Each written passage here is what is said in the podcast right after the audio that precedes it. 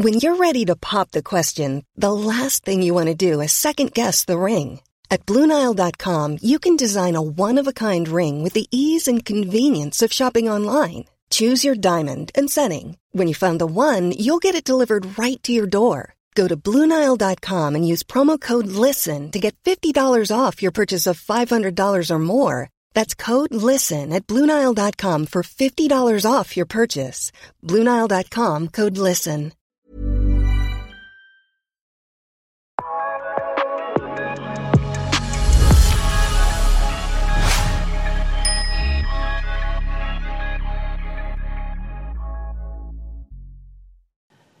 Hej och välkomna till avsnitt nummer fyra av eh, innebandymagasinets eh, podd. Och idag eh, ska jag prata med en av världens mäktigaste eh, innebandyprofiler eh, på den internationella scenen och eh, ja, över, överhuvudtaget här. Jag har med mig från Finland John Liljelund som har varit eh, generalsekreterare på Internationella innebandyförbundet sedan 2005. Välkommen! Tack så mycket! Hur är läget idag? Ja, idag är det, är det bra det där. Vi har kanske första riktiga sommardagen på väg till Finland. Det har varit det där, det har snöat i, i det där, förutom att man har suttit inne på grund av coronan och varit hemma sen med av, av mars och det där och, och, och vi har jobbat på distans så det där så så det där, och vi har haft snö och, och, regn och hagel det där här i, ännu i maj så det där så, så nu börjar det verka lite sommar så det där hoppas saker och ting vänder till det bättre. Okej, okay. ja ni har suttit inlåsta mer eller mindre då eh, nu under våren? Ja alltså vad det ungefär skulle det ha varit det där, det var faktiskt så att det där att att när, när, när den finska regeringen bestämde om det där om, om restriktionerna på grund av coronan så hade vi just, skulle vi just börja tio minuter senare skulle vi börja playoff-palavern med det där med era Vikingits damlag. Oj. Och det, där, och, och, och, det var ganska ett absurt slut på, det, på det, den saken så att säga. Och sen dess har vi alltså jobbat på distans. Man får inte, det får inte träffas mer än tio människor och det där och, och, och personer har det där över 70 år så det där så får man inte träffa. Och restaurangerna stängdes den, var det den 18 i tredje och de öppnar på nytt nu, den, på nytt nu överhuvudtaget så inga kaféer, inga restauranger var öppna. Ja. Sen medlem av mars och de öppnar nu sådär gradvis från den första i sjätte. Okej. Okay. Ja och eh, du är gift privat? Uh... Jag är gift, jag är gift och har två barn, en son som är, 20, som är det där 23 och en dotter som just det där som är 19. Ja, är ni fortfarande lyckligt gifta nu efter alla veckor i karantän? Ja, det har, det har, varit det där, det har varit på det sättet ganska intressant här att det där att vi har det där, vad heter det, som tur har vi en, en, en lägenhet där vi ryms med det där, men jag, mitt kontor har så att säga varit det där i, i faktiskt varit i vårt sovrum, för min dotter har det där, har, har läst inträdesproven för medicin och, min son har det där som, som nu gör sin militärtjänstgöring så han är, han är inne fyra veckor och ute två veckor. Okay. Så han har det där och det där och min fru jobbar också hemma så att det där, nej vi är nog fortfarande lyckligt gifta. Och det, ja, det är bra. Och, och vår 25-års bröllopsresa som skulle vara till Skottland så det där, vad heter det, så blev inhiberad och istället så hade varit det där, hade varit en hel del arbete här på det där på, på parcellen så att det där. Ja. ja, men jag tänker det. Du eh, är ju en av eh, de här personerna som reser ganska mycket kan tänka mig eh, runt i världen. För dig måste det här varit extra tufft att, att uh, sitta inlåst, håller jag på att säga.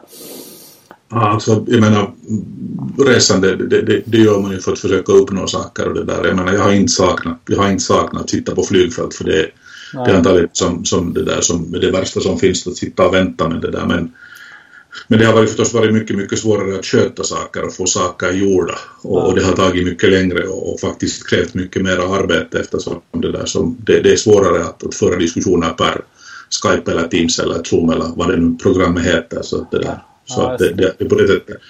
Men det där, för jag menar, det är alltid lättare att tala, tala det där, vad heter det, på plats och sen se hur människor reagerar och så vidare bortåt. Och alla inte, jag menar det är också en sån här sak att det tog en ganska lång stund att lära sig använda det här, de här det där, vad heter det, hjälpmedlen så att man faktiskt vet hur det är. Att om man ligger i sängen och det där och håller möte så kanske man inte vill ha video på hela tiden och det där för att det ser kanske inte så förfärligt professionellt ut även om det inte så att säga påverkar vad man gör. Men ni, ni har, har, ni styrt om ganska mycket eller ni kanske har varit inne i den processen innan IFF att ha Skype-möten och eh, eller hur, hur alltså, vi, har, vi har haft liksom, vi har ju till exempel inför för, för, det där, för våra evenemang så har vi ju alltså en, en, en set av, av Skype-möten eller det där med organisatören liksom, som, det där, som kör ungefär de sista sex månaderna en gång per månad. Så jo, det har vi gjort för att, det, för att det, det kostar för mycket och tar för mycket tid att resa runt. Ja. Men där är det frågan om människor man känner och har träffat och, ja. och vet liksom vad som händer. Ja. Och det där, men, jag menar, men, men, men jag menar, det, det här kommer att ändra på sättet man har möten och hur man håller dem eftersom det har visat sig att det, där, att det går ganska bra. Vi har till exempel haft ett antal, vi har haft, haft två styrelsemöten redan nu det där per, per liksom över, över det där Teams eller Zoom och det där och, och, vi har haft liksom riktigt stora frågor, till exempel styrelsen behandlade nya förslaget till, till det där strategi där alla då styrelsemedlemmar hade skickat in skriftliga kommentarer på vad de ville diskutera. Och sen hade jag satt ihop ett, ett förslag alltså som, som hade miljoner olika färger och, mm. och var dubbelt så långt som det, det, det förslaget, ursprungliga förslaget som strategi, strategigruppen hade gjort. Och sen behandlar vi det. Och det, det kräver förstås då liksom att mötena blir snabbare det kräver lite mer disciplin men, men, men det fungerar nog. Ja. Men det, det, det, har krävt ganska mycket arbete att lära sig att använda de här sakerna. Ja, just det. Vad, om, om vi ska gå tillbaka, din internationella eh, första jättestora evenemang det var väl att vara general, generalsekreterare för eh, VM 2002. Eh. Det var det, var det, det, var det faktiskt inte. Jag var, jag var EM-general för det där för IFFs första internationella evenemang 1994 i Helsingfors. Mm. Och det där och, och, då när vi hade åtta lag i, i, i Novahalli. Just det. I och det där och, och, och, Finland legendariskt vann Sverige i, i gruppen men förlorade i finalen. Ja, det har... Ja, stämmer det? Ja, jo det gör det. jo, det, ja, det gör det. jo då, det, det vad, um, jag tänker att vi ska prata lite VM 2002 men, men eh, om man tar uh, EM-turneringen där. Det kändes ju mer som en, en, eh, en turnering uh, mer eller mindre. Givetvis så, så sålde ni biljetter och det var förarbete men det är ändå en otroligt stor skillnad på en VM-turnering 2002 kontra uh, 1995. Så, så, 94, 94, 94 precis. Just det, ja. Eh, precis. För vad, vad, man börjar med internationellt det var ju två EM-turneringar då. 94 och så 95 i Schweiz blir det då. Och sen så omvandlades det till en VM-turnering 1996. Eh, och där går ju vet du, Sverige bananas när man väljer att eh, lägga evenemanget i, eh, i Globen då som är Nordens största inomhusarena. Och man är jätteorolig. Lasse Granqvist och eh, Axel Wester och alla de här som driver den här frågan känner att vi kanske har lite hybris. Men helt plötsligt så säljer man ut eh, eh, VM-finalen och eh, sista dagen. Och helt plötsligt så flyttar man ju fram positionerna 500 mil fram känns det som. Eh, och eh, gör att det är ganska svårt att Eh, komma tillbaka efteråt. Eh, och vad man gör då det är ju att eh, jag har ju här bakom mig har jag två t-shirtar. Det är ju VM 98 i, i Tjeckien. Då är det ett helt nykläckt förbund som får äran att arrangera och sen så har vi Norge då som får VM 2000, 2000. De hade egentligen velat haft det 98 men så så var det väl Thomas Eriksson och några andra som mer eller mindre tvingade Tjeckien att ta eh, VM eh, 98. Men i alla fall 2002 då så var det ju dags för Finland då och då fick du ansvaret att eh, hålla i trådarna. Eh, ja det stämmer. Det, ja. det, var faktiskt, det var faktiskt så att det där att att det började, det började på det sättet att det där att, att uh, jag blev vald till IFFs styrelse 94 efter, efter, då, efter i Göteborg på det där och, och, och, och, det där. Och sen blev, då ville Finska förbundet så att jag skulle vara ordförande för organisationskommittén.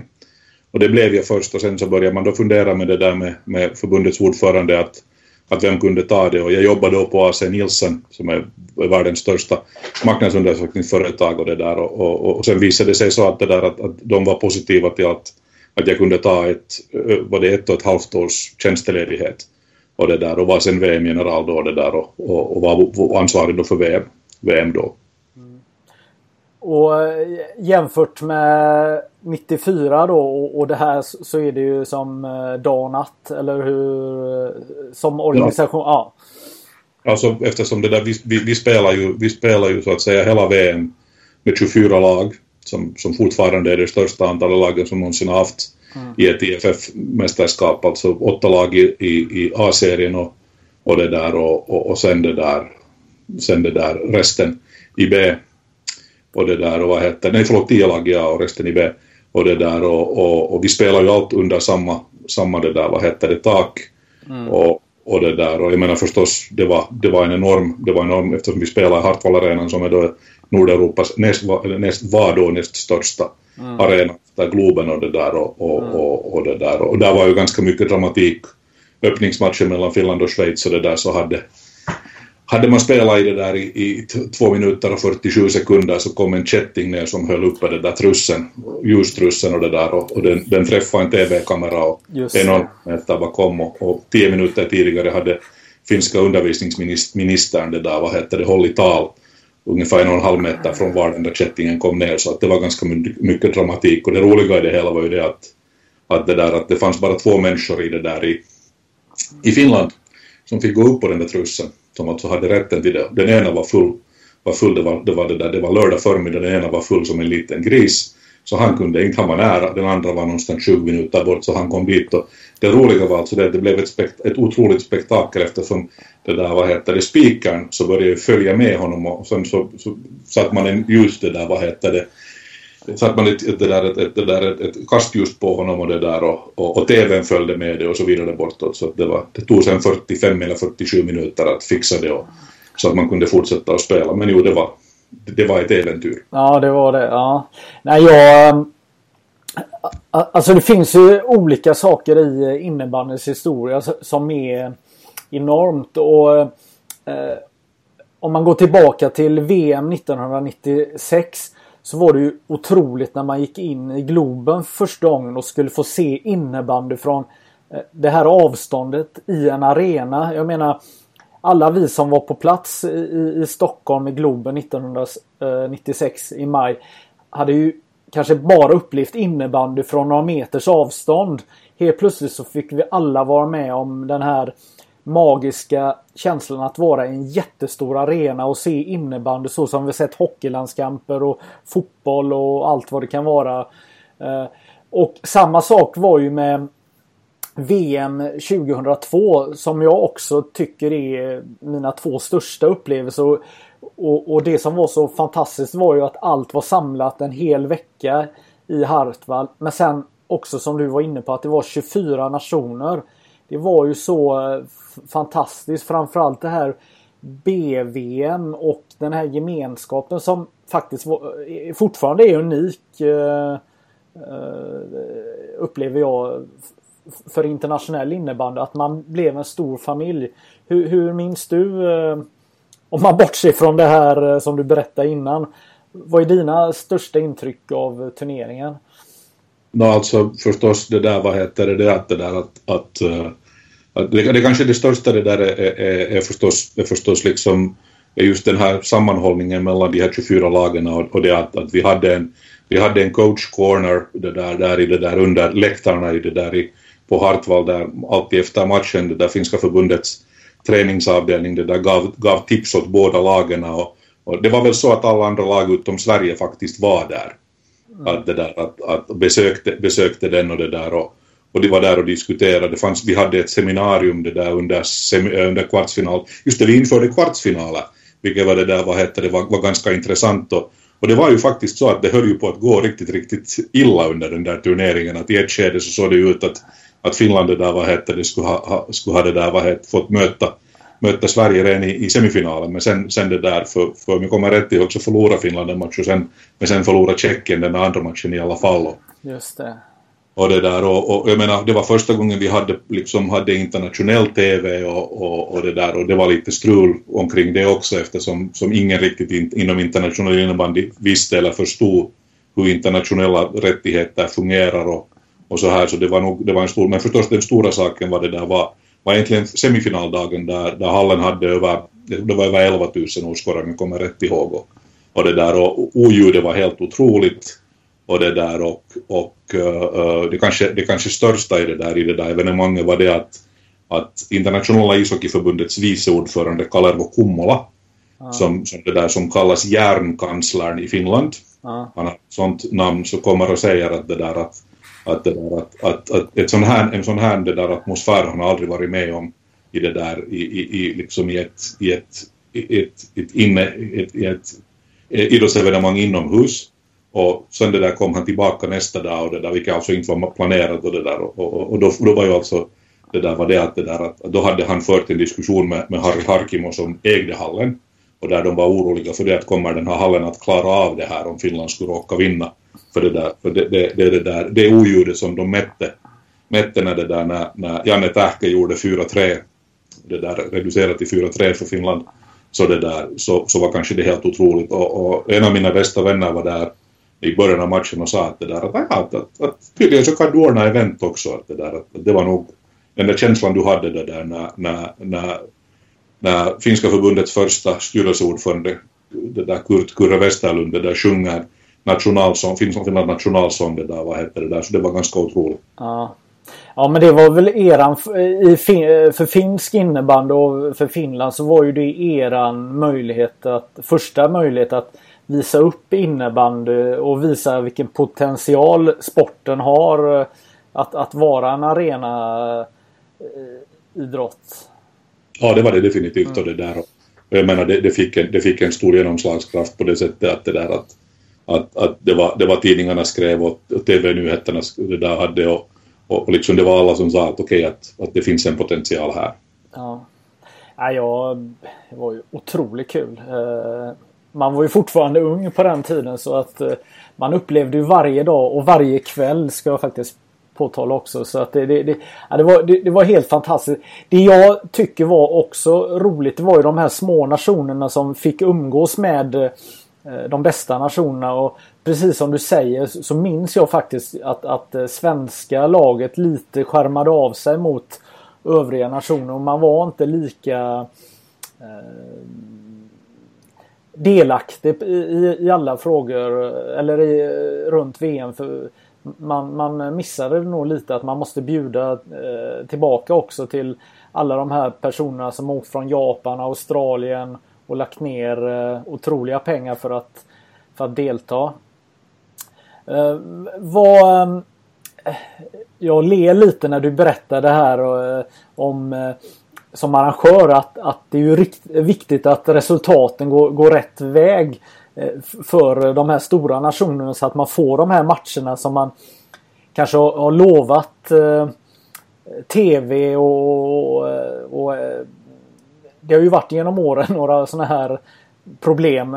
Ofta så har kanske Sverige levererat men det har både varit Finland och Tjeckien som har varit illa ute flera gånger. Eller hur är det? Eller upplever du det? Ja, det, är alltså, det, det, är så här att det där att, att jag menar, så länge, så länge det egentligen bara fanns tre TV-nationer var det inte ett problem. Nej. Då fanns det, men nu, nu när TV-nationerna är sju, åtta stycken och de alla har sina behov mm. och det där och, och, vi har ju fått lära oss det där, vad heter det, alltså det här jag tror det var, det var i Schweiz det där, det var i Schweiz 2012 som det där, som det ju så att säga första gången på riktigt på grund av, det där, på grund av tjeckerna faktiskt det där såsa till det så att det där att, att, att finnarna, finnarna kom det där, vad heter det, både finnarna och tjeckerna kom för sent. De hade alltså sina, sina charterresor, kom för sent till sina matcher för att de, de, de gick att ändra på. Och, och nu, redan nu, nu har vi ju infört då ett sånt system att det där att, att vi har en viss, vi har en viss det där, vad heter det, det där ordning när vi bestämmer TV på basen av, av vilka avtal vi har med de olika TV, det där, TV-bolagen och i dagens läge så är i dagens läge så är det där, nu är det där är, är tågordningen, är tågordningen det där faktiskt Finland, uh, Finland, Schweiz, Tjeckien, Slovakien och, och, det där. Och Sverige kommer in där någonstans för just nu har vi inte ett avtal med dem med det där. Men för, för det där för VM nu 2020 i dagens läge vilket är starkt positivt så har vi alltså Finland, Finland, Slovakien, Tjeckien, Schweiz, Sverige det förhandlar vi fortfarande med. Och sen Polen och, och det där. Och sen då börjar vi då diskussioner med Danmark, Norge och och de andra länderna efter det så att det där, så att det, är det där är, är, är, men, det, men det är alltså innebandy har blivit, det, det är både positivt men negativt för innebandy har blivit så pass mycket större också på tv-sidan att det där att, att nu börjar då tvn ställa krav på när man ska spela och då blir det alltid ett litet problem. Ja, ja men jag förstår. Jag, jag minns eh, Filip eh, Suman som är Tjeckiens eh, ordförande i Tjeckiska innebandyförbundet och vice ordförande i eh, internationella innebandyförbundet. Han, han var ju så eh, uppstressad. Nu minns jag inte vilken VM-turnering det var men han har ju lyckats få sju av åtta tjeckiska medier att hårdbevaka VM. Och så var man ju så nära att spela bort sig innan slutspel och han var ju ett vrak mer eller mindre. Att eh, nu har jag jobbat för det här i flera år och så håller mitt landslag på att sabotera för, för oss på något sätt. Eh, eh, vi, det var Helsingfors 2010. Just det. Och det, det, det, var, det var ännu värre än så. Det var alltså så att det där när, när, det där, när planen med 247 gäster, ett chartrat plan lyfte från Prag, så ledde Estland 2-1 i det där i, i, i kvartsfinalen. Och det där och, och, och det gick till straffar. Just och det. Där, och, och jag, jag, vet inte vad, vad de hade gjort det där på den här planen men om jag har förstått saken rätt så, det där, så hade de alltså ändrat rutt för att få en, en så kallad säker radiokanal så att de kunde det där få upp och det där. Och, och första gången antagligen så har man då live berättat hur straffarna gick. Och det, det, det lär vara så här att eftersom den som då var, var det där, vad hette det, var reporter på planen alltså antagligen det där, det där reservkaptenen så, så han hade kanske hade väl sagt att, att sagt namn och huruvida det gick eller inte, men det var alltid en paus eftersom den kom och det där då. Ja. det var så här att, det, det, var ganska nära att de skulle ha fått hjärtslag där på planen. Ja, ja, precis. Och då sitter vi här, vi som älskar innebandy och bara längtar efter de här skrällarna och uh, att, att det ska bli en uh, oväntade resultat. Men så, och det gör ju ni också men samtidigt så behöver ni ha rätt lag vidare. Så, så, så det är väl ganska... Eh, hur, ska man, hur, hur kan du förklara den här situationen? Jag kan väl säga så här att efter 2015 det där i, i Tammerfors och det där så, så där det där, där det där, vad heter det, det där finalen finalen det där omspelades om i Finland i kanske två och en halv, tre veckor på grund av My Kippilas straff och det där och domarnas tolkning av huruvida den, den, den var rätt eller fel. Så, det där, så, så bröts egentligen den här, den här problematiken med vem som spelar eftersom det blev bevisat att det, där, att, att det, det är frågan om sådana marginal, små marginaler att det är alltid intressant. Den, den stora frågan är kanske mera jag menar, den stora frågan är mera nu det att nu hade vi ju, nu hade vi ju det där, vad hette det, Schweiz och Sverige i final på dam-VM i det där i Neuchâtel.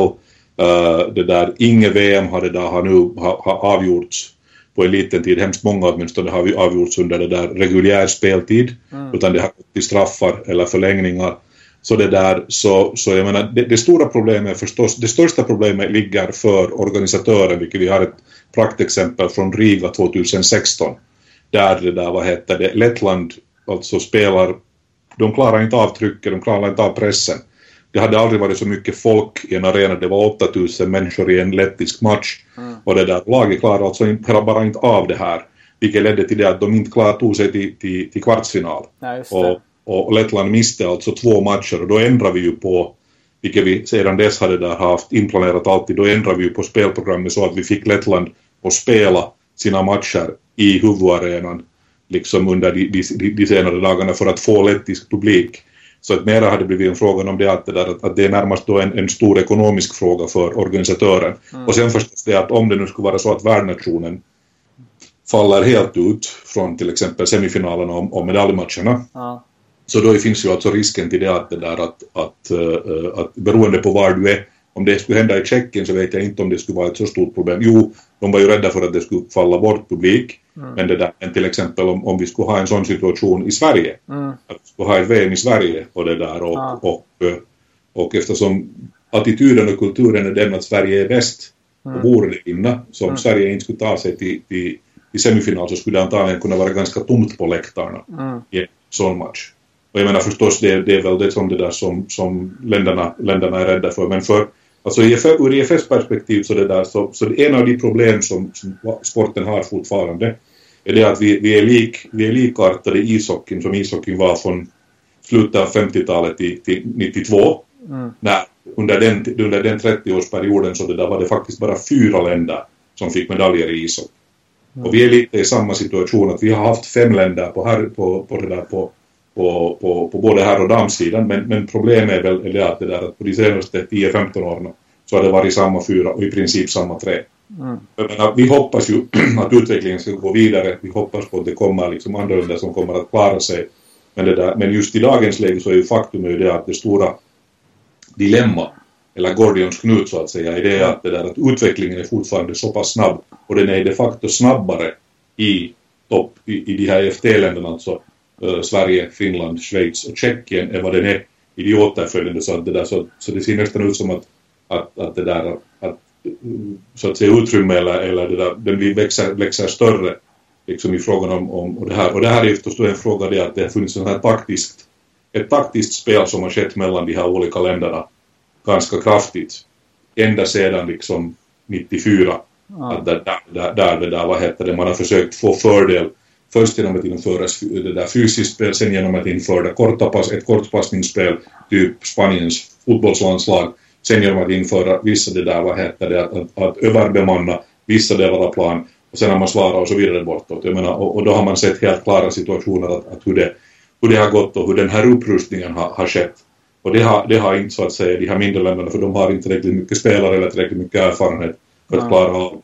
Men det där, men, men jag menar, jag hoppas ju fortfarande och inför varje VM så säger jag samma sak att jag hoppas att Finland och Sverige inte möts i finalen inte. Nej. Så där, för att, för att jag menar, det, ur min position så där är det det viktiga, skulle det vara det viktiga att det ska komma, komma nya färger det där bland, bland, bland, bland medalisten. Ja, precis. för att eh, det är precis det du är inne på. Den frågan som alla vi som eh, jobbar med innebandyn och vill att innebandyn ska utvecklas får ju alltid den här frågan av eh, folk utanför våran sport. När, eh, när blir det en mästare som inte heter Finland eller Sverige? Eller eh, när har vi fyra andra nationer i semifinal i VM? Och, eh, det är ju svårt att svara på den frågan. Eller, eller kan du se när det, när det sker? Att... Uh... Alltså jag, jag menar, jag, jag, har ingen kristallkula jag kan titta i men det där men, men så, som, så som det där, den nya strategin har det där har, har, har nu förslaget har formulerats så är ju målet att det att det där till 2032 så ska det ha spela 8 till 10 länder i semifinalerna. Ja. Så, så att jag menar det där utbildningen måste ju gå mot det att det där att det, det kräver alltså en utbildning av tränare, det kräver en, en utbildning och det där en utveckling av de nationella förbunden, det kräver liksom mera målmedveten verksamhet ja. mot det där organiserade landslag och så vidare och så vidare och så vidare. Men jag menar det, det är kanske den, den, stora saken här är det kanske det att IFF då, eftersom om, om vi tittar på IFF så, så vi ser det som sådant att IFF har nu gått genom tre olika utvecklingsskeden. Först så var det bara liksom att vi existerade och det där och, och, och sikta på det första mästerskapet som då var 94 och sen 95 och 96. Och sen från 96 framåt så har det varit frågan om att få alltså idrotten och IFF och innebandyn i sin helhet godkänd av den internationella gemenskapen, idrottsgemenskapen. Vilket vi då uppnådde 2008 i och med att vi det där vi fick IOC recognition som, som så att säga ger oss, ger oss det där den offentliga statusen att vi faktiskt är en sport som, som är godkänd.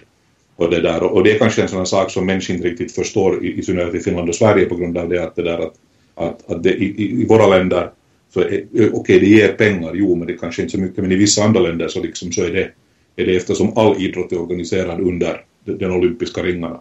Och sen det tredje skedet har alltså då varit det att det där att, att, att växa och stärka så att säga profilen och det där och, och, och höja medvetenheten om innebandyn och, och, och det där och ett allmänt godkännande. Och nu kanske då, och där, har då målet, där var målet alltså att ta sig till OS eller andra multisport-events.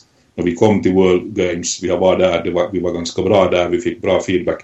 Vi har den kanske största, så att säga, även om det inte beror Europa så hemskt mycket, men den största framgången innebandy har haft internationellt är det att vi nu faktiskt 2021 i, i det där i maj är med på, på Olympic Council of Asias uh, uh, Asian Indoor and Martial Art Games där det alltså då är 45 asiatiska länder och den här gången de facto också 20 oceanska länder. Och det, det är alltså det är en jättestor, jättestort trappsteg mot deltagande på Asian Games beroende på var det organiseras. Så att det där, så att jag menar nu, nu, nu är målet då är det att stärka, starka så att säga medlemsländerna, bygga därifrån och sen kanske på det sättet i det där i slutändan att, att genom att visa att vi är bra och, vi, och det där att, att vi så att säga inte aktivt försöker föra oss själv framåt utan i, mera på det sättet att, att det blir så att det där att någon kommer att säga att helt vi vill ha er med, ni har någonting att erbjuda och på det sättet så, så växer sport. Mm. Eh, just det internationella utbytet eh, kan jag ha lite tankar och synpunkter på. Jag tänker eh, precis som du säger att vi i Sverige och Finland vi har våran syn på hur den internationella innebandyn är. Men varför envisas vi med att möta varandra så mycket? Varför måste Sverige och Finland, Tjeckien och Schweiz mötas år ut och år in? Var, varför använder inte Sverige och finska förbundet landslaget som eh, en, en, möjlighet att sprida sporten? Var, var, varför möter vi inte de mindre nationerna? Varför möter vi inte nationerna 5 till 8 eh, mycket mer eh, än vad vi gör idag? Vad... Alltså, men den, den, frågan kan jag ju inte, jag, menar, jag vet ju inte exakt orsaken varför man har valt att göra så.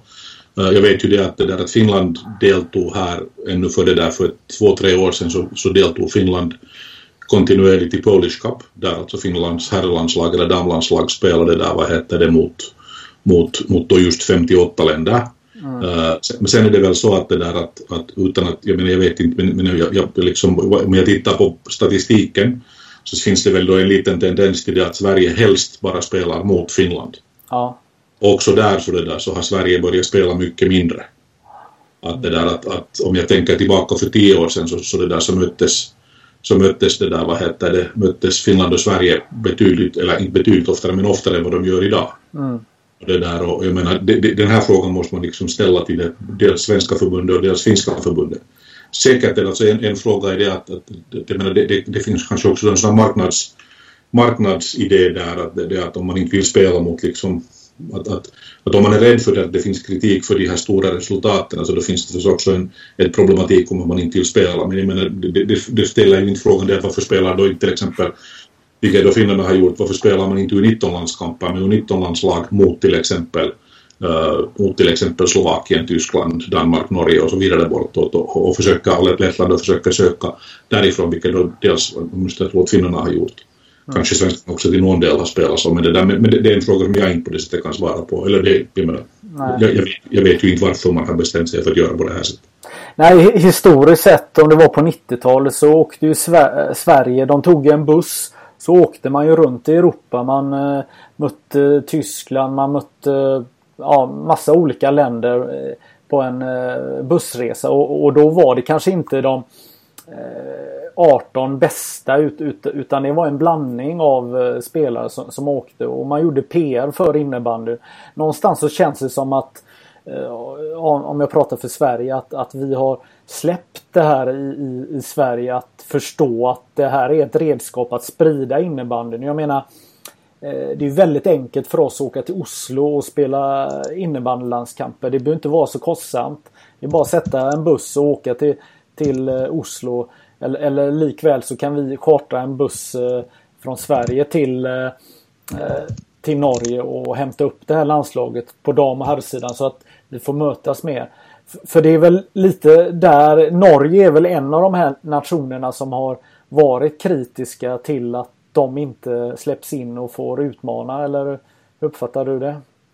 Ja, alltså jag menar om jag har förstått saker rätt så det finns ju det det finns ju liksom de grupperingarna, alltså vi har Euroflowball Tour som då alltså är det där är, Tjeckien, Finland, Sverige och Schweiz. Mm. Så har du uh, Six Flowball Nations som det där som då är alltså är Lettland, Polen, Tyskland, Slovakien, Danmark och Norge och de har ju alltså haft synpunkter liksom på det att det där att att varför, varför finns det inte mera liksom övergång eftersom faktum är ju det att för dem för att utvecklas så måste de spela med de bättre länderna.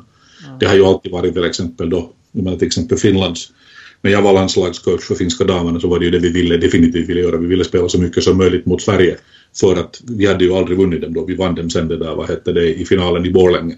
Ja. Nej, förlåt, i bronsmatchen i Borlänge. Så att det där, så att det där, vad hette det, men för att kunna göra det så behövde vi spela mot dem. Men jag menar, men, men, men det, det, det, det, är fortfarande en sån svår, det, är en svår fråga att liksom, och de olika strategierna de olika länderna väljer. Så det finns ju en orsak för det och det, det bygger antagligen liksom på den interna. Jag ja. menar, det, det, det, är nog inte min sak att börja gå in och analysera Nej.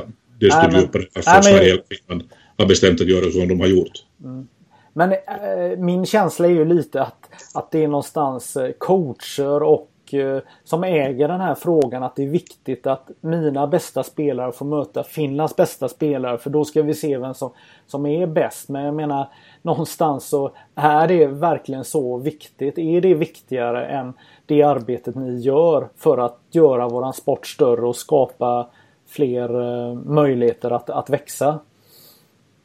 Alltså för att, för att växa, som jag sa, för att växa och för att landslagen ska bli bättre så måste de spela mot bättre länder. Mm. Och därför det där, så, så, liksom, så anser vi att det, där, att, att det är beklagligt att, att, att, vissa länder har bestämt sig för att inte spela flera landskamper, för att inte möta mera länder.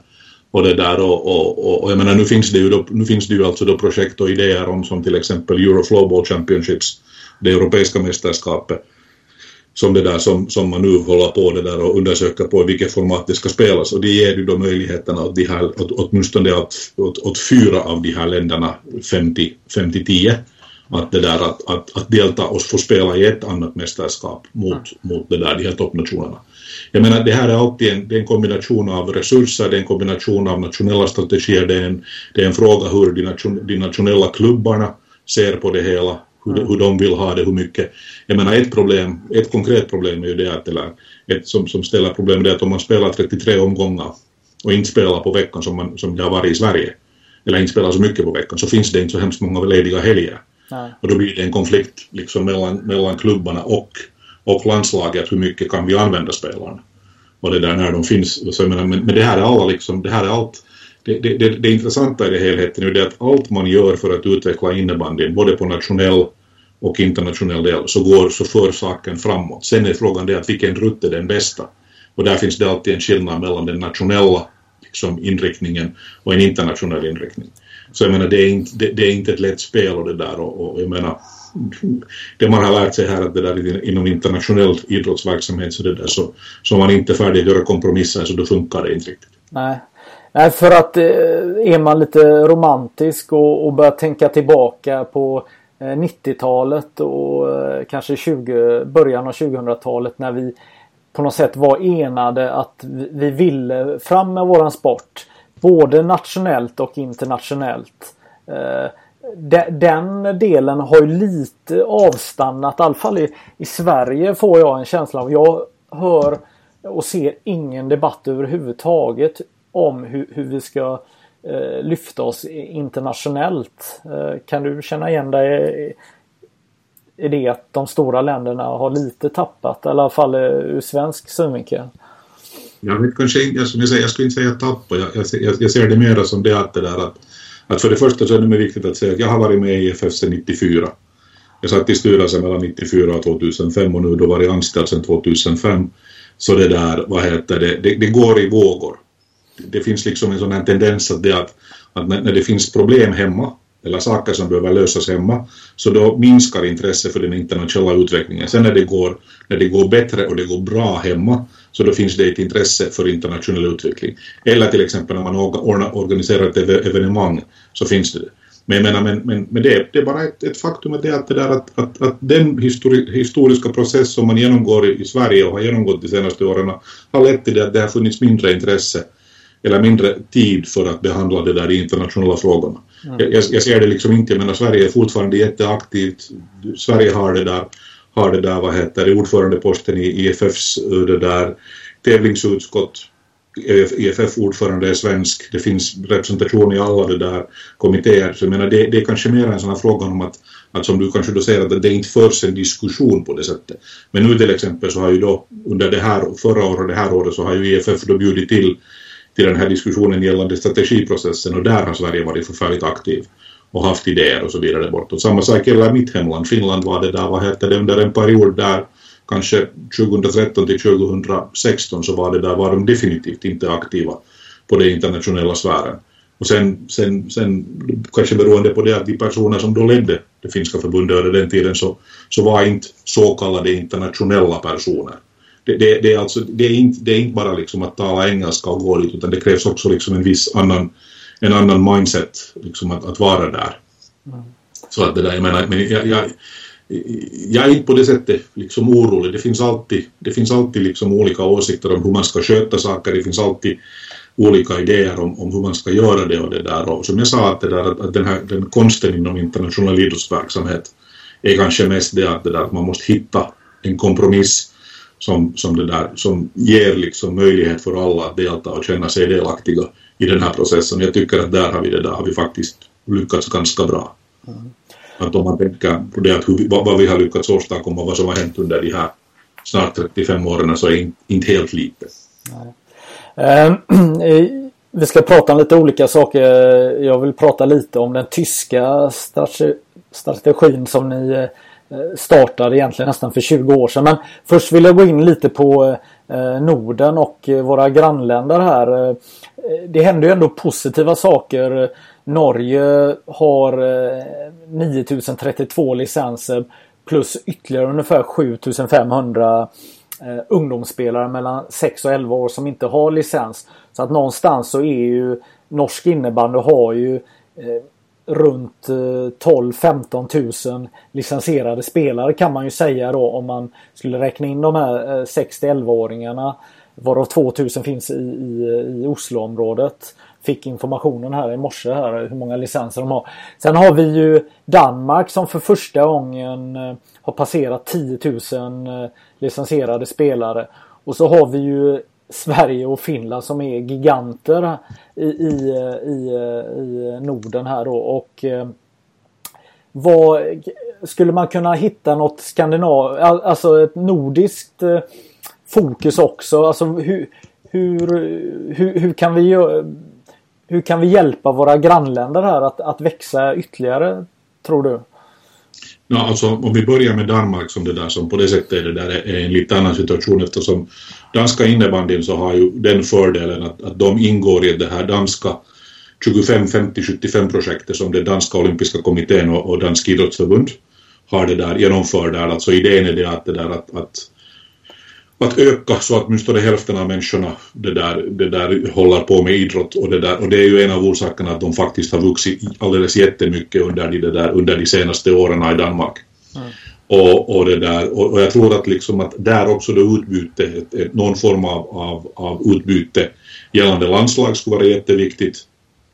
Sen är det förstås lätt för mig att säga att, att, att man borde spela med det där men, men jag menar men det, det, är det, där, eh, eh, det, det, tror jag liksom på riktigt att, att, att det är förfärligt viktigt och det behöver man liksom, det behöver man så att säga göra för att, för att det där komma vidare.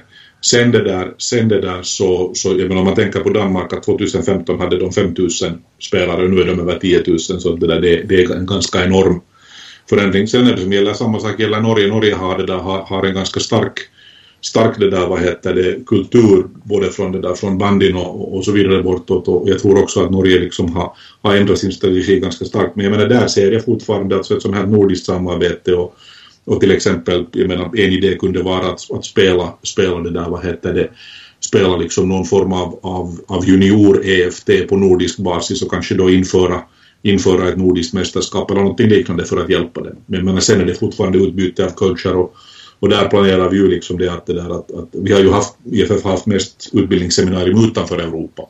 Mm. Och, det där, och, och, behovet i Europa har liksom inte varit så hemskt stort, eller behovet har varit stort men det har inte riktigt på det sättet funnits, funnits liksom vilja att, att ställa upp eller ordna dem och organisera dem och vi har haft 40 seminarier så tror jag att det där att, att under 10 har varit i Europa.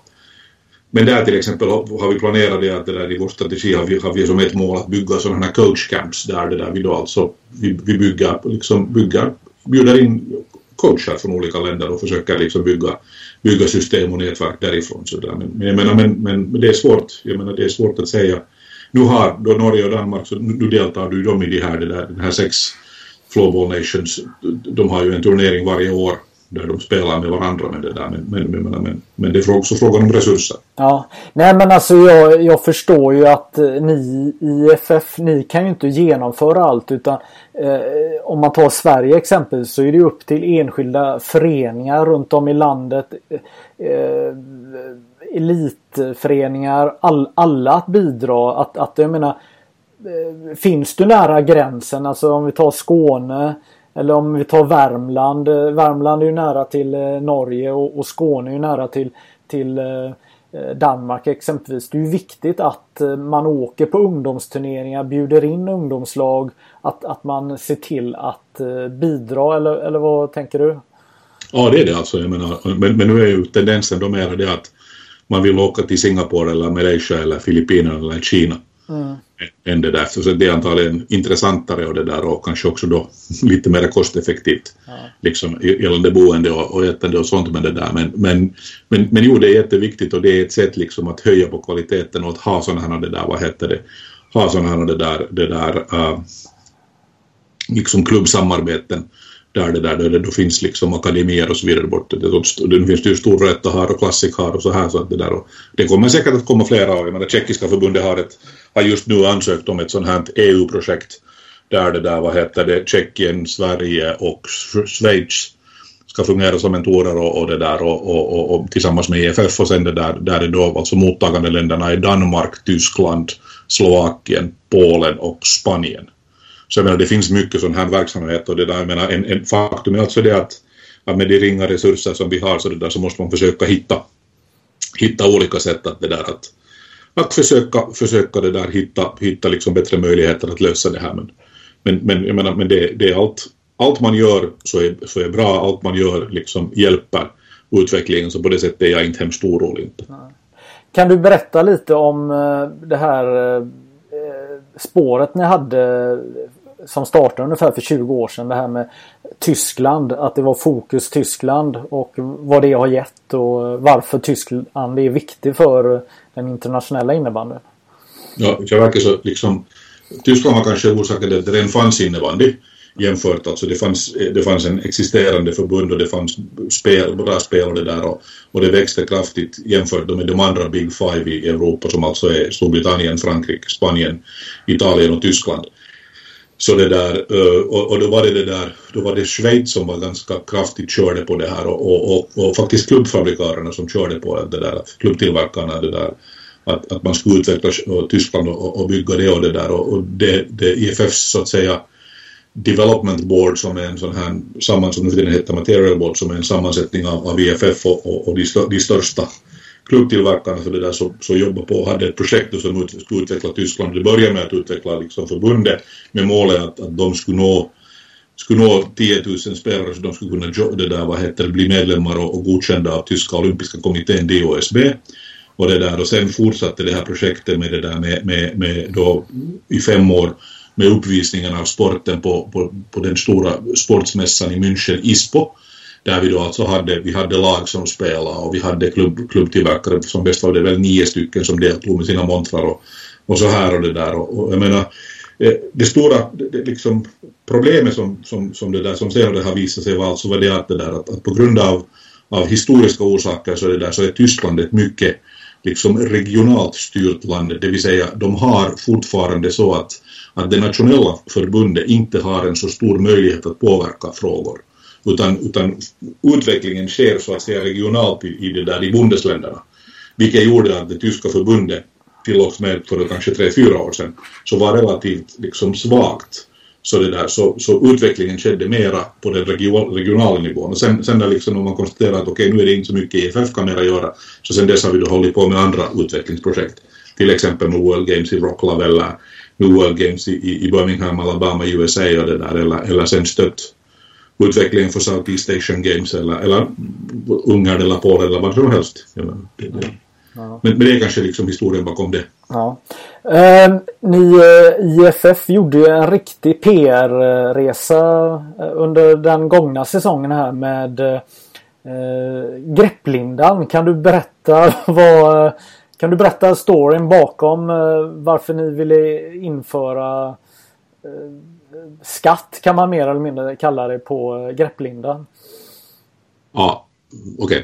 Den, den, den, den, shorta, den korta versionen av det där historien är det att det kom ett förslag på det att det där att, att vi, vi har sett en tendens till det, till det att det där att, att antalet det där sålda certifierade klubbor har minskat och det där och även om sporten så att säga fortfarande växer och, och, och, eftersom en stor del liksom också finansiellt kommer därifrån så kom det ett förslag faktiskt på det att det där att, att eh, från, från, från till, till en tillverkare eller egentligen två tillverkare om att det där att, att, att man kunde införa ett sådant här system. Vi funderade på lite och kom med det här förslaget och i första hand så, så sades det okej okay till det av Material Board som alltså är organet som diskuterar de här materialfrågorna inom innebandyn och där finns då alltså representationen från alla företag. Men sen blev det tänka på på det där, vad heter det, på det där, den här saken och så, så, det där, så, så sa ett företag och sen ett annat och sen ett tredje att nej, vi kanske inte är riktigt färdiga att göra det här efter att det hade blivit ett ramaskri om det. Och det gällde alltså inte bara grepplinna, vilket är viktigt att komma ihåg, utan det gällde också alltså försäljningen av lösblad. Alltså det att det där att, att så att säga, nu, nu, är ju så att säga klubban certifierad och, och jag menar, nu måste man komma ihåg att, att nu, om man talar om skatt så, så det där så det faktiskt, det rör sig alltså om det där om om det där ganska lite pengar. Det är ungefär, det, det, är under en krona tror jag i dagens läge, vad, vad det där, alltså en krona för per klubba. Så det är inte hemskt mycket det är frågan om. Det kan till och med vara mindre än det. Jag kommer inte exakt ihåg det där, hur kursen är.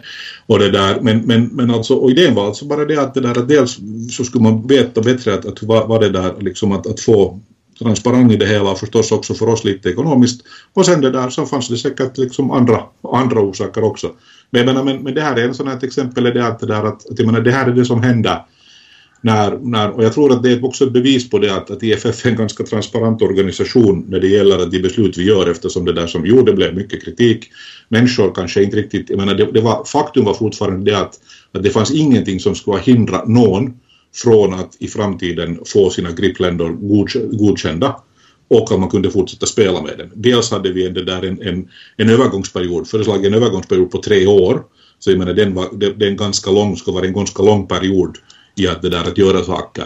Men, men jag menar, det är helt klart att det där att de som tyckte om det här förslaget så det där, som så att det, det påverkar deras business så det där så gjorde ju sitt yttersta för att det där att, att, att bli av med det och det där och, och det ledde alltså, det ledde helt klart till det att, att det där att, att det beslutet drogs upp.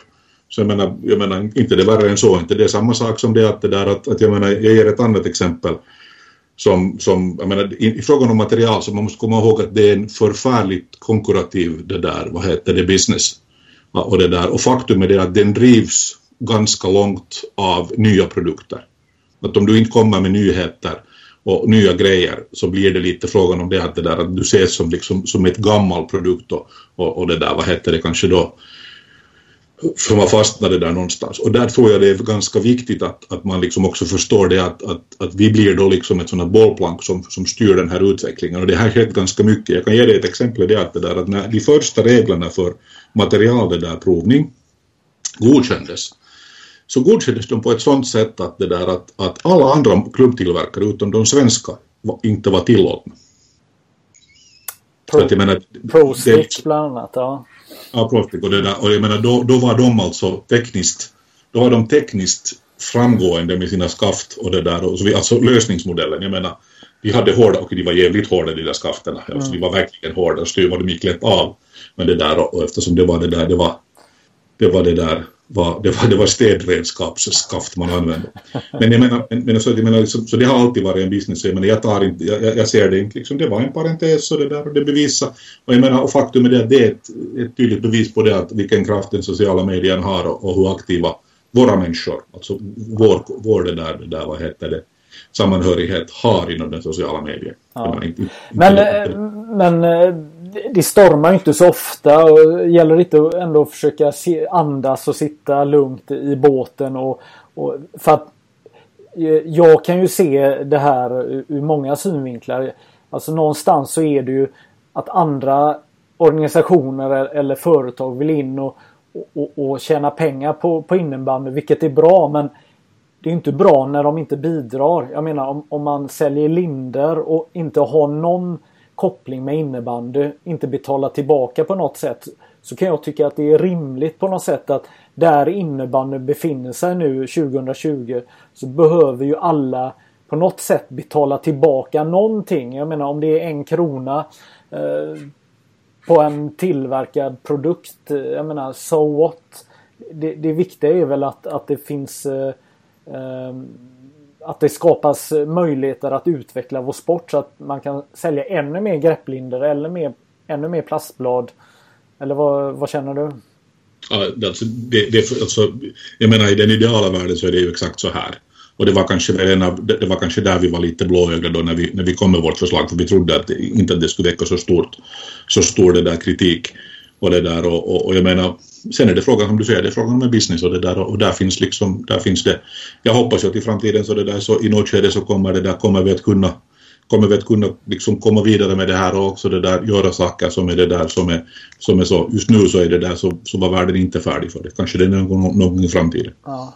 Eh, jag, när jag ändå är inne på det här spåret, jag tänker på turneringar och sånt här. I, I, Sverige har vi ju en av världens största innebandyturneringar som heter Gotia innebandy cup. Som är en otroligt eh, respekterad och eh, framstående turnering. Men den drivs ju av en fotbollsförening här i Göteborg.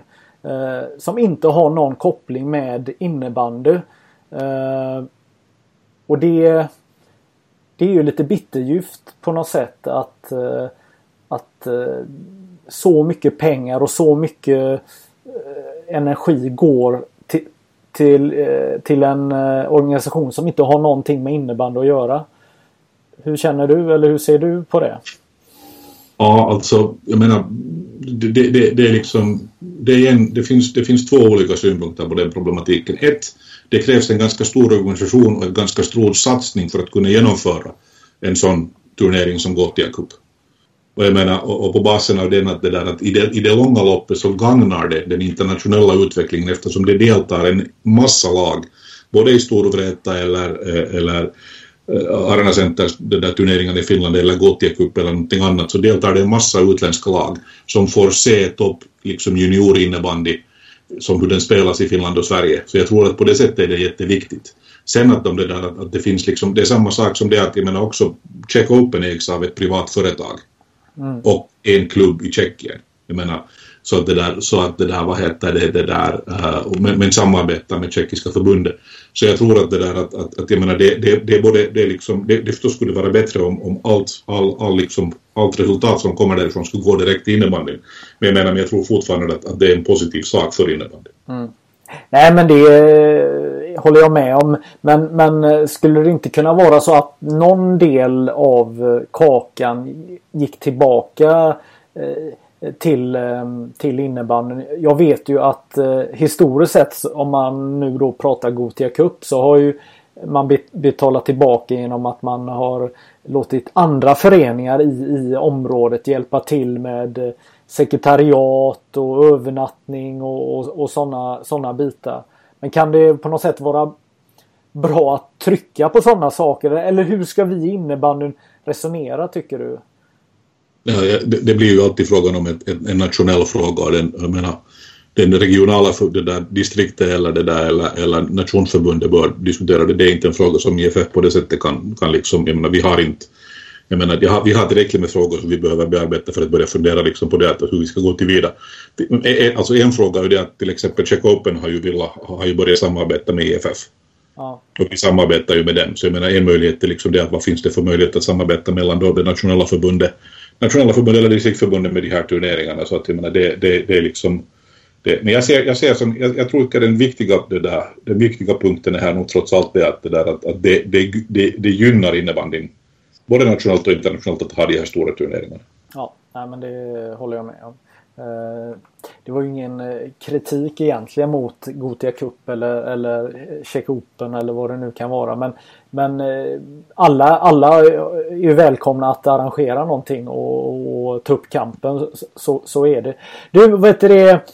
När man går in och tittar på IFF och ni som jobbar eh, där. Vad, eh, det här med målvakter och IFF. Vad, det är ju väldigt många som som om man har haft en innebandykarriär är innebandymålvakter. Vad, hur kommer, har du gjort den reflektionen också eller vad, varför, varför är det så?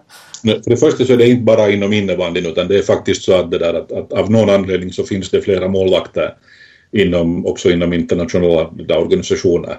Att det är det där att det, det är alltså, jag menar, no, jag menar det är väl det, det är väl ingen liksom stor hemlighet att målvakter är underliga. Jag menar det att det där att, att, att så att säga att, att de är, vi är vår egen, egen det där, det där sort.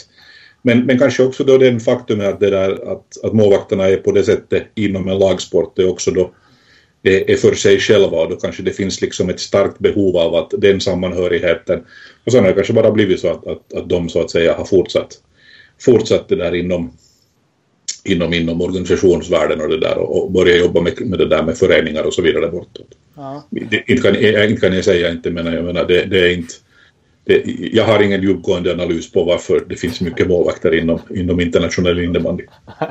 det är bra. Vad, eh, om, om man eh, tittar på dig här så, så sticker du ut lite genom att vara en av de här få på den eh, internationella stora scenen som alltid verkar älska innebandy även som spelare. Jag menar du, du håller ju på fortfarande eh, och, och fuskar med att spela innebandy som målvakt och det har du gjort egentligen genom alla år. Eh, vad, hur, hur kommer det sig att du... Eh, ja, alltså, ja, det där, ja, det där vad heter det, jag menar uh, det, kanske bakgrunden är det att, det där, att jag spelade hockey förr och det där och blev skadad blev skadad det där det där, vad heter det, i, i, i medle på 80-talet och kunde, våga inte, kunde inte fortsätta spela målvakt i, i, i hockey och det där och, och sen så råkade det sig så att det där att jag var, jag var det var en, det var en, en vi hade en, en ligamatch på universitetsserien i Helsingfors och det där och domaren kom på i pausen och frågade att hör du att är du inte den där hockeymålvakten? Så att nej jag har nog slutat det där. Jag skulle vilja komma och spela innebandy.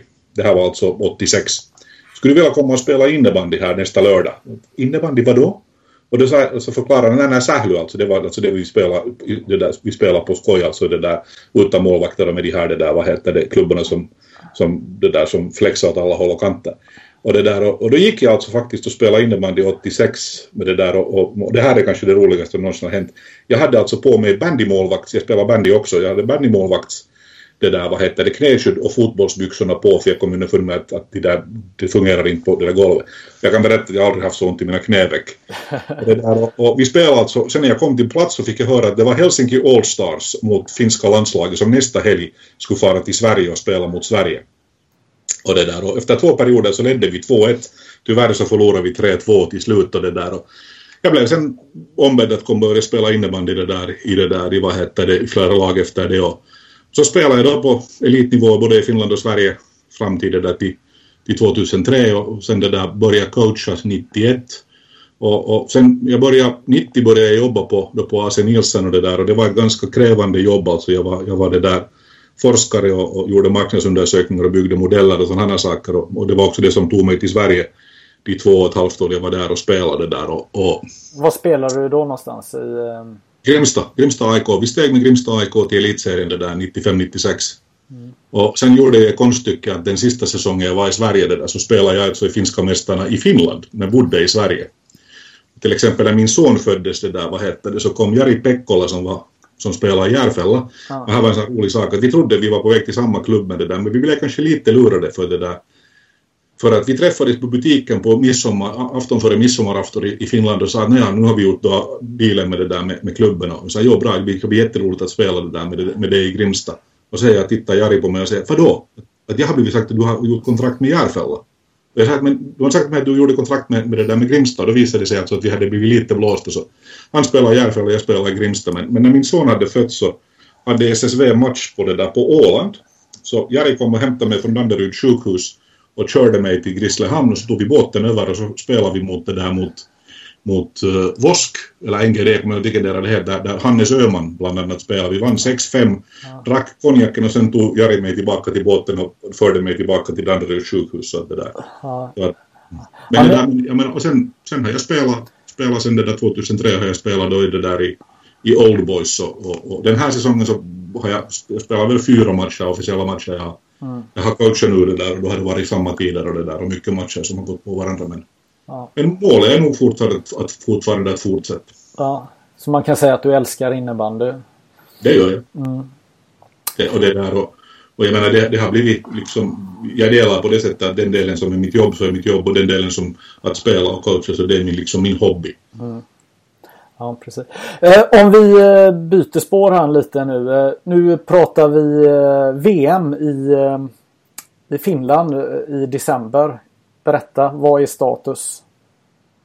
No, status just nu är det att det där att, att så som styr, IFF styrelse har fastställt att det där att att eh, det, vi har satt ett go, no-go datum till det där, vad heter det, slutet av september, början av oktober. Vi har, vi har träffat utbildnings och, det där, och kulturministeriet för att diskutera förutsättningarna för att genomföra det. I dagens läge så fortsätter, det där, fortsätter förberedelserna normalt gentemot att genomföra det på, på, på basen av, av det vad vi vet idag och, och det där, de säkerhetsföreskrifter som vi finns med. Men, men vi har kommit överens om att ha ett nytt möte med det där med, med kultur och uh, undervisnings och kulturministeriet det där i, i, i, tillsammans med, med social och hälsovårdsministeriet i slutet av augusti tillsammans med det där med den lokala organisatören för att fastställa liksom att vilka förutsättningar det finns. Och, och jag har faktiskt igår skickat ut ett mejl till det finska förbundet där jag har ställt ett antal frågor på basen av det var det där IFF-styrelsen har diskuterat. Och jag menar, utgångspunkten är det att, att IFF definitivt vill att vi ska spela. Om vi inte kan spela på det utsatta datumet så då, då, då vill vi flytta på det, annars blir de ekonomiska effekterna så stora att, att, att det blir för tungt för, för IFFs medlemsländer att klara det eftersom IFF är ju IFFs medlemsländer. IFF är inte en egen entitet utan det är en, en sammanslutning av, av, av IFFs medlemmar och då är väl målet det att, det där, att om vi inte kan spela i december 2020 så hoppas vi kunna spela då under 2021 på ett eller annat sätt. Mm. Eh, är det bekymmersamt eh, den här situationen? Det är jättebekymmersamt. Jag menar det är det där, är det, där är det att, att du måste hela tiden så att säga köra på två spår. Att du måste köra på det spåret vi genomförde och det där och försöka titta på på vilket sätt vi kan genomföra det i det där i, i, i december 2020 och sen samtidigt måste planera på att vilka effekter det får om vi ska flytta på det, när vi ska flytta på det, hur vi ska flytta på det och så vidare och så vidare och så vidare. Alltså det där så att, så det har nog varit, det, det har varit liksom jättemycket saker som, som man har behövt ta, ta det där, ta ställning till och ta i beaktande under den här processen. Det är ungefär eh, 100 dagar kvar tills U19-VM ska spelas i, eh, i Sverige. Eh, som redan har blivit flyttad. Vad kan du berätta om U19-VM? No, samma sak att IFF-styrelsen fattade beslut här det där om att, att, att sätta en, en, en go-no-go-datum till, det där, till den, den, i mitten av, av juni och vi det där väntar på besked från den svenska folkhälsomyndigheten nu i början av, av juni och det där och på basen av det så ska vi sen då förhandla med, med Sverige. Det gick ett, ett, ett e-mail också till Sverige med ett antal frågor gällande. Här är ju problemet det att, det där att, att, eh, är det att vi en gång, en gång har flyttat det så vi måste där och vi måste fatta ett beslut om, om det för att säkerställa deltagarnas liksom, möjligheter att inte förlora pengar och så vidare bortåt. Men det där men jag menar IFF vill ju helst och det där vill ju helst liksom spela det och det där och, och faktum är att, det, att det har, där har man redan ett konkret förslag som, som styrelsen har, har tagit ställning till. Om man måste flytta på det där på, på eventet så då, då det där så kommer det att spelas i maj 21 med det där och det, det är det som, som styrelsen vill. Sen måste ju Sverige säga att det, det funkar och, och, alla förutsättningar det där med hallar och så vidare bortåt finns och så vidare. Men jag menar det, det är som just, jag läste just idag att det där att, att här på det där på webben före vi börjar att till exempel att, att nu ser det ut som att, att till exempel FIS, att Cortina d'Empazzo har, har, det där, har, har börjat säga att de inte är villiga att organisera i februari. Det var det skid-VM, jag kommer ihåg om det var slalom eller, eller, ja. eller vanligt, men i alla fall. Ja. Så att så att, men det där, men det det är de här sakerna som man måste leva med och jag menar, det, det, det, det är tyvärr så att det här är någonting som kommer det där, vad heter det med? Ja. Det här är någonting som kommer med det där med, med jobbet. Ja. Vad U19-VM, är det samma åldrar vi pratar om om det flyttas fram? Att, att, eller blir det en annan åldersstruktur på eh, U19? Eftersom, eftersom beslut inte har fattats men diskussionen har varit, har gått i de gångerna att eftersom en sak som är jätteviktigt när det gäller, det där gäller ungdoms-VM är förstås det att det, fin, det, det, det kan vara en e, engångsföreteelse för de här spelarna att faktiskt få spela på internationell nivå. Så därför det där, så är utgångsläget det att, det där, att, att vi kommer att vi kommer att, att, att åtminstone som det ser ut i dagens läge så kommer man att spela med de åldersklasserna som, som det var meningen att spela från första början. Ja, för det kommer ju sen ett nytt U19-VM för nästa generation. Ja. Eh, när vill du att Sverige arrangerar eh, herr-VM nästa gång då? Ja, det är alltså, måste man måste tänka lite till det där, vad heter det? Ja, det, det blir väl det, det, blir väl 14 eller 16, förlåt 24 eller 26 som, som så att säga det där det är det där eh, som, som det kommer att, att det där att vi, jag menar det viktiga liksom är här det att det där att, att det, det, måste vi hoppas ju förstås också att det där för många orsaker att det, det, det skulle bli en, en tävling om vem som vill organisera ett, ett, ett herr-VM som då är det största som finns i, i, inom innebandyn idag. Mm. Vad, vad har du att säga om VM 2014 som var i eh, Göteborg? Ja, det var, det där, det var, det var, det var mycket publik.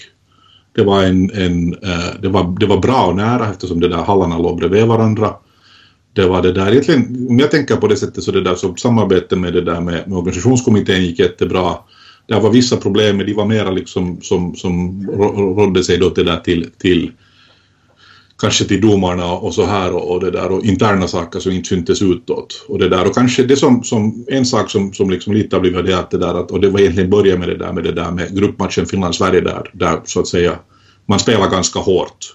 Och det där och, och, och, det sen så att säga ledde till en massa massa spekulationer och det där och massa diskussioner under VM men annars så jag menar, jag menar det, det var ett det var ett bra VM och det där och, och, och, och jag menar liksom det blev ju mycket mer intressant än man hade trott för man, man utgick från att Sverige skulle vara helt överlägset men det var Sverige inte sen i slutändan. Nej, precis.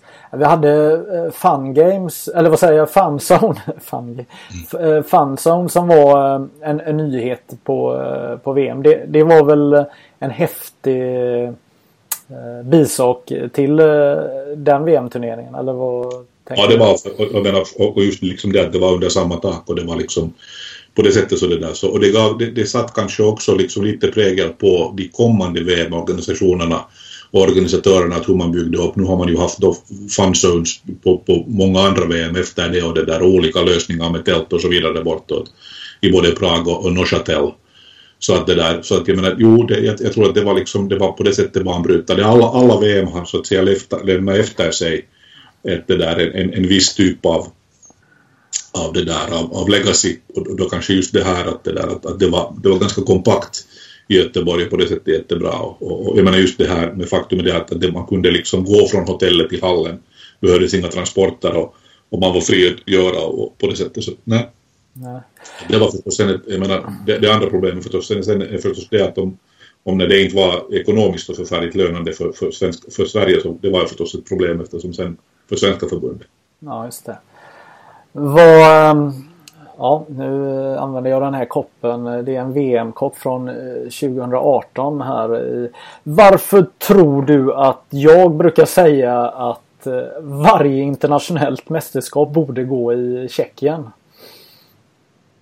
Ja, alltså jag menar, tjeckerna är jättebra organisatörer. Och det där och, och, och, och, och Tjeckien har också liksom det att det där att innebandykulturen är, är till sin, sin, sin natur sådan att det där att att man kommer att följa liksom flera matcher än bara den tjeckiska. Man kommer inte bara att titta på den tjeckiska matchen utan man kommer också matchen före matchen efter. Och det där och, och, och jag, menar, jag menar också förstås det att det där att, att, att det, det som tjeckarna hämtar in och nu som då finnarna har, har fortsatt med det var det att det där att och, och som schweizarna hade för Neuchâtel är det att det är inte bara ett event utan det blir en resa och det liksom det byggs, det, det, tjeckarna hade det där, vad heter det, hade 2018 hade byggt en, det där, en, en street floorball turneringsrunda var det på 15 platser omkring i Tjeckien och det där och, och där finalen då spelades det där i, i, i Otto-arenan. Och det där och så här så att jag menar liksom det, det, blir en resa, det blir en historia som kommer fram till det. Sen, sen det där, sen, sen jag menar, först också göra med liksom publiken har en stor betydelse och det där och, och jag menar det, det faktum är att det där att, att, att de hade hade det där så, en så gigantisk antal publik så det lyfter först på stämningen.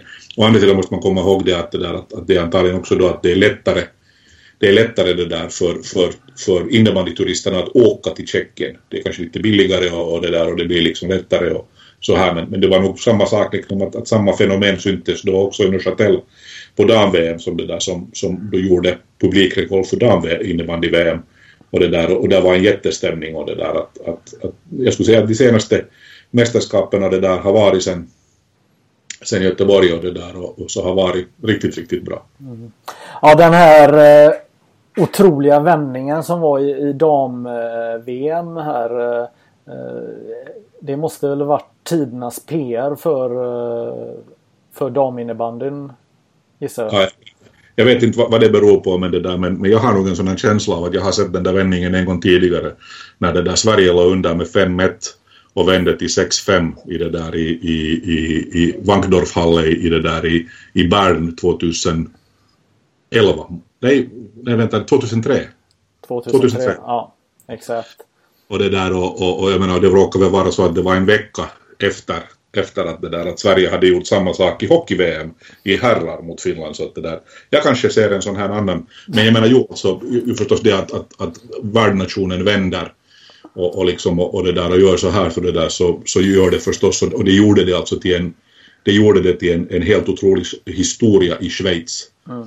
Att det där att, att, att, och på det sättet så det där så var det förstås, var det förstås utan like till vad som hade hänt tidigare. Nej, precis.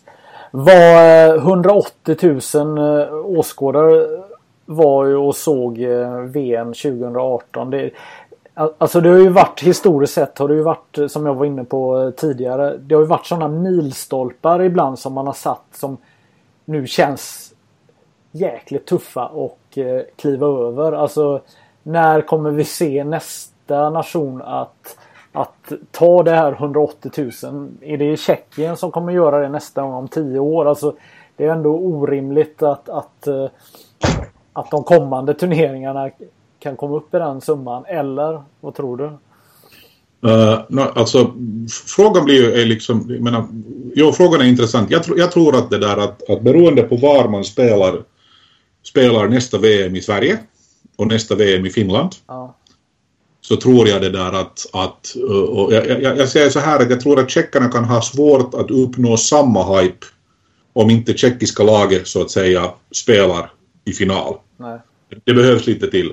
Men till exempel att om, om man tänker på det sättet att det där att, att, att jag menar att 180 000 så det där så, så, så kräver ju fortfarande kräver ju fortfarande inte det där en, en, en, en så stor, alltså jag menar det är inte ett omöjligt tal att komma upp till på det där på, på 48 matcher. Nej. Att, det där, att, att, att det är också frågan, jag menar det att om till exempel om man i Sverige spelar det där på, på, på inte spelade, skulle spela i Stockholm, inte spela i Globen eller spela i andra hallen och lyckas fylla den två dagar.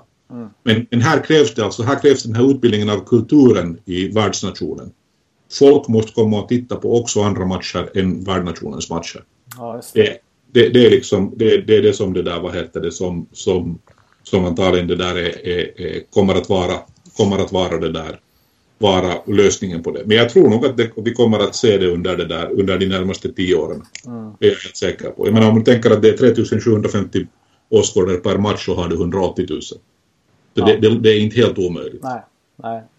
Nej, på senaste VM här, det, jag menar en del eh, som man kan uppleva som nonsensmatcher. Eh, nu kommer jag inte ihåg i huvudet exakt vilka det var men kunde vara 6-7 tusen klockan 10 på en förmiddag. Alltså det är ju det är ett minne för livet eh, för de här nationerna som får uppleva det och får känna att, att det har varit mödan värd att satsa sina besparingar, satsa väldigt mycket av sin tid att, att bli en innebandyspelare, att åka på ett innebandy-VM när man tillhör de här mindre nationerna. Ja, mm. absolut. Ja. Jag menar, och, och jag menar det att det där att, att det var ju det det var ju en sak som kanske vår legacy från Helsingfors 2002 var det att det där, vi hade ju för första gången hämtat dit liksom skolungdomar på morgonen. Ja.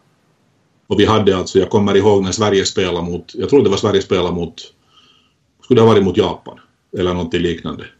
Och det där, och skolorna hade fått välja, det var 1800 skolelever, småttingar. Och de hade fått välja, och det var antagligen så att 90 procent eller 95 procent hade valt Japan och det där och, och, och de var liksom, de hejade på, jag menar Sverige vann ju stort men de hejade på det där på Japan. Ja. Och sen, sen liksom så blev liksom, då måste jag säga att då bjöd nog de svenska spelarna tillförde det där. De både gick av namnteckningar åt, åt japanerna men sen också åt de här, de här liksom skoleleverna och det blev en jättestor, jättestor grej och det där och, och jätte, jätte det där, vad heter det, jättestora rubriker i det där i, i, i Finland överlag. Ja. Eh, 3 gånger 20 eh, minuter spelar man ju matcher men eh, ni har lite promotat att eh, spela tre gånger 15 internationellt. Kan du förklara vad tankarna är kring det? No, alltså det hela börjar ju med det där med, med, efter det där efter diskussionerna som fördes under det där vad heter The World Games i, i Wroclaw i Polen 2017 och det där och sen förde då IFF, IFF på basen av diskussionerna förde, fram, förde vi fram då idén om det där till Associations Meeting som är alltså ett, ett, ett, ett möte med alla IFF medlemsländer där ungefär då lite över 40, 40 mellan 40 och 50 brukar delta 2017 i Bratislava i samband med dam-VM om, om att hur skulle det vara om man liksom skulle göra det här. Alltså orsakerna bakom det är ju det att, att jag menar, kampen om TV-tid, kampen om, om visibilitet ökar. Det finns en allmän tendens och liksom allmänna undersökningar som visar att det där att konsumtionen av, av idrott håller på att sjunka. Och faktum är det där är det att, det där att, att också, också liksom tiden man använder på det där på att följa saker minskar. Och då var alltså, då var en idé var det att, det där, att, att man, det där skulle, man skulle liksom försöka titta på det och få det effektivt och få det snabbare och mera intressant. Nå, till en början så var ju alla okej okay med det och det där och, och, och, sen, sen det där, vad heter det, sen så, så plötsligt så, så visade det sig att det där att, att, att sen när det där när förslaget efter, efter Bratislava Associations meeting och när IFF styrelsen sen började liksom formulera det så började det komma liksom upp röster. Och det ledde ju då till, alltså till det att, det där att, att, att vi nu då under säsongen 2019-2020, 2020-2021 så går det ett antal tester på att man testar på vad effekten alltså så att det blir. Tanken har ju varit från början att det här, den här liksom kortare speltiden och mindre det där trupp, dels alltså skulle spara pengar för de mindre länderna, kanske också det där vad heter det, göra skillnaden mellan de där länderna lite mindre och på det sättet hjälpa till och det där och, och, och sen var då liksom vad en tanke har varit liksom det att det där att också då att, att, att tävlingen så att säga skulle bli bättre men, men grundidén var från början där vi kanske då, man kanske gjorde det där ett, ett misstag var det att, att det bara liksom, det skulle bara gälla IFF-eventen. Men så börjar man då i Sverige och Finland säga nej, att du måste ju vara liksom, du måste ju, du måste ju så att säga liksom den nationella ligan spelas på samma system som, som ett mästerskapsspel. spelas. jag menar, jag, jag, jag, jag förstår den logiken och så här men det där men, men i dagens läge så nu pågår de här testerna och det där och, och, och, och, och meningen är ju alltså det att, att, att IFF General Assembly, alltså vårt, vår, vår konstituerande möte 2022 ska fatta ett beslut om hur man kommer att göra med det. Så exakt hur det kommer att se ut i, i framtiden så vet jag inte och det vet jag knappast någon ännu idag. Nej. Vad, vad är planen? Ni håller ju på med en, egentligen en 12-årsplan här 2032. Vad, vad är det ni vill få ut med, med, med det? Alltså, no, just nu det där så, det där, så vi, vi påbörjade, påbörjade EFF påbörjade processen för över ett år sedan.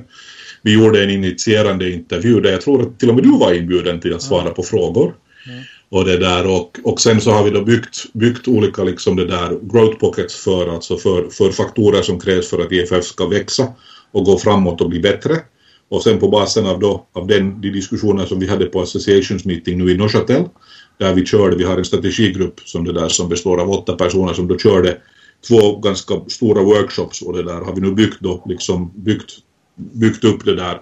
Fyra key priorities där, där den första är då alltså ökad visibilitet och det där och medvetenhet om sporten, uh, mera service till medlemmarna, en bättre det där, vad heter det, det där, en bättre IFF-organisation och sen liksom det att sporten ska växa. Och jag, jag tror att, liksom att, om, att namnet som, som dokumentet har som heter Strengthening the Foundations, så det är frågan om att stärka liksom basen för sporten och att liksom ge medel och det där, medel och det där och metoder för sporten att växa. Mm. Så att vi kommer det där, vad heter det, så vi kommer, kommer vidare och, och blir större. Och på det sättet vi blir större och mer betydande så det där så, så är idén det där, det att det där att att vi då det där, vad heter det, ska kunna, ska kunna liksom växa och på det sättet komma in, komma in på nya, nya det där multisport games och det där regionalt, först regionalt och sen internationellt och på det sättet sen det där, vad heter det, bli en större sport. Ja, det, det, det, det, finns, det, finns liksom så många mål och, och så vidare bortåt att det där att, att och just nu så, det, så, har vi då faktiskt också till, till den till innebandysamhörigheten så har vi ju faktiskt skickat ut en, en, en, en möjlighet att svara på en enkät om vilka mål som man tycker är viktigast. Det hoppas jag att, att de som lyssnar på det här också ska titta på vår webbsida och gå och göra. Ja, just det. Vad, jag känner att du och jag skulle kunna sitta och prata i timmar här. Eh, men jag känner att det är dags att eh, runda av här för att eh, nu räcker det lite håller jag på att säga. Men, men vad, om, om du eh, får eh, sammanfatta vad som är det roligaste med ditt jobb. Eh, vad är det, vad är det du brinner för och vad känner du tillfredsställelse när du går och lägger dig efter en lyckad dag? Vad är det? Ja, alltså det är det där att, att jag känner att, att vi har lyckats föra vår sport framåt, vi har lyckats öka antalet människor som känner till den, vi har ökat förståelsen och det där och, och godkännande av sporten. Plus det att, det där att, att, att man ser att, att, liksom att de, de strategiska val som vi har fattat så för oss åt rätt riktning och det där och, och, och hjälper, hjälper så att säga sporten att utvecklas. Att, att det där att, att det som någon gång var liksom en, en en ny start för mig personligen liksom som, som idrottare så har sen senare blivit efter många olika, det där, olika intressanta situationer har blivit ett yrke men också sen liksom samtidigt hållit som, det där, som, en, som en hobby. Så det, där. så det är en ganska det är en ganska det där, vad heter det, det där, lycklig situation att vara i, att få jobba med någonting som man faktiskt tycker att om och det där. Och jag menar, sen, sen finns det bra dagar och sen finns det dåliga dagar och, och det där och, och, och jag menar, innebandyn blir mer och mer hela tiden en sport, en internationell sport som alla andra med, med, det där, med, med de effekter som kommer i, i samma veva. Och sen är det ju faktiskt så att, det där, att jag är ju alltid vald på en, det där, på en, en, en fyra mandatperiod nu så att det där så att så att det där, ingen vet ju vad, vad det där var vad IFF-styrelsen och IFF, IFF vill att det där att vill om det ska fortsätta eller inte efter december. Just det. Vad bra. Jag tackar för att du ville vara med här och så får vi se till att prata någon mer gång lite längre fram och eh, förhoppningsvis så blir ju den kommande säsongen fantastiskt bra eh, trots att vi idag inte vet vad som kommer hända. Det ska vi hoppas att den blir. When you make decisions for your company, you look for the no-brainers. And if you have a lot of mailing to do, Stamps.com is the ultimate no-brainer. It streamlines your processes to make your business more efficient, which makes you less busy. Mail checks, invoices, legal documents, and everything you need to keep your business running with Stamps.com.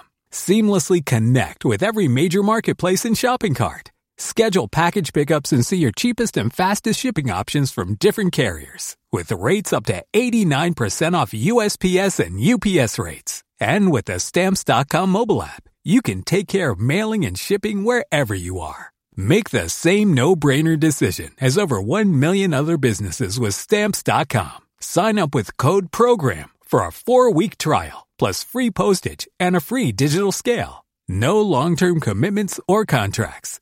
That's Stamps.com. Code PROGRAM.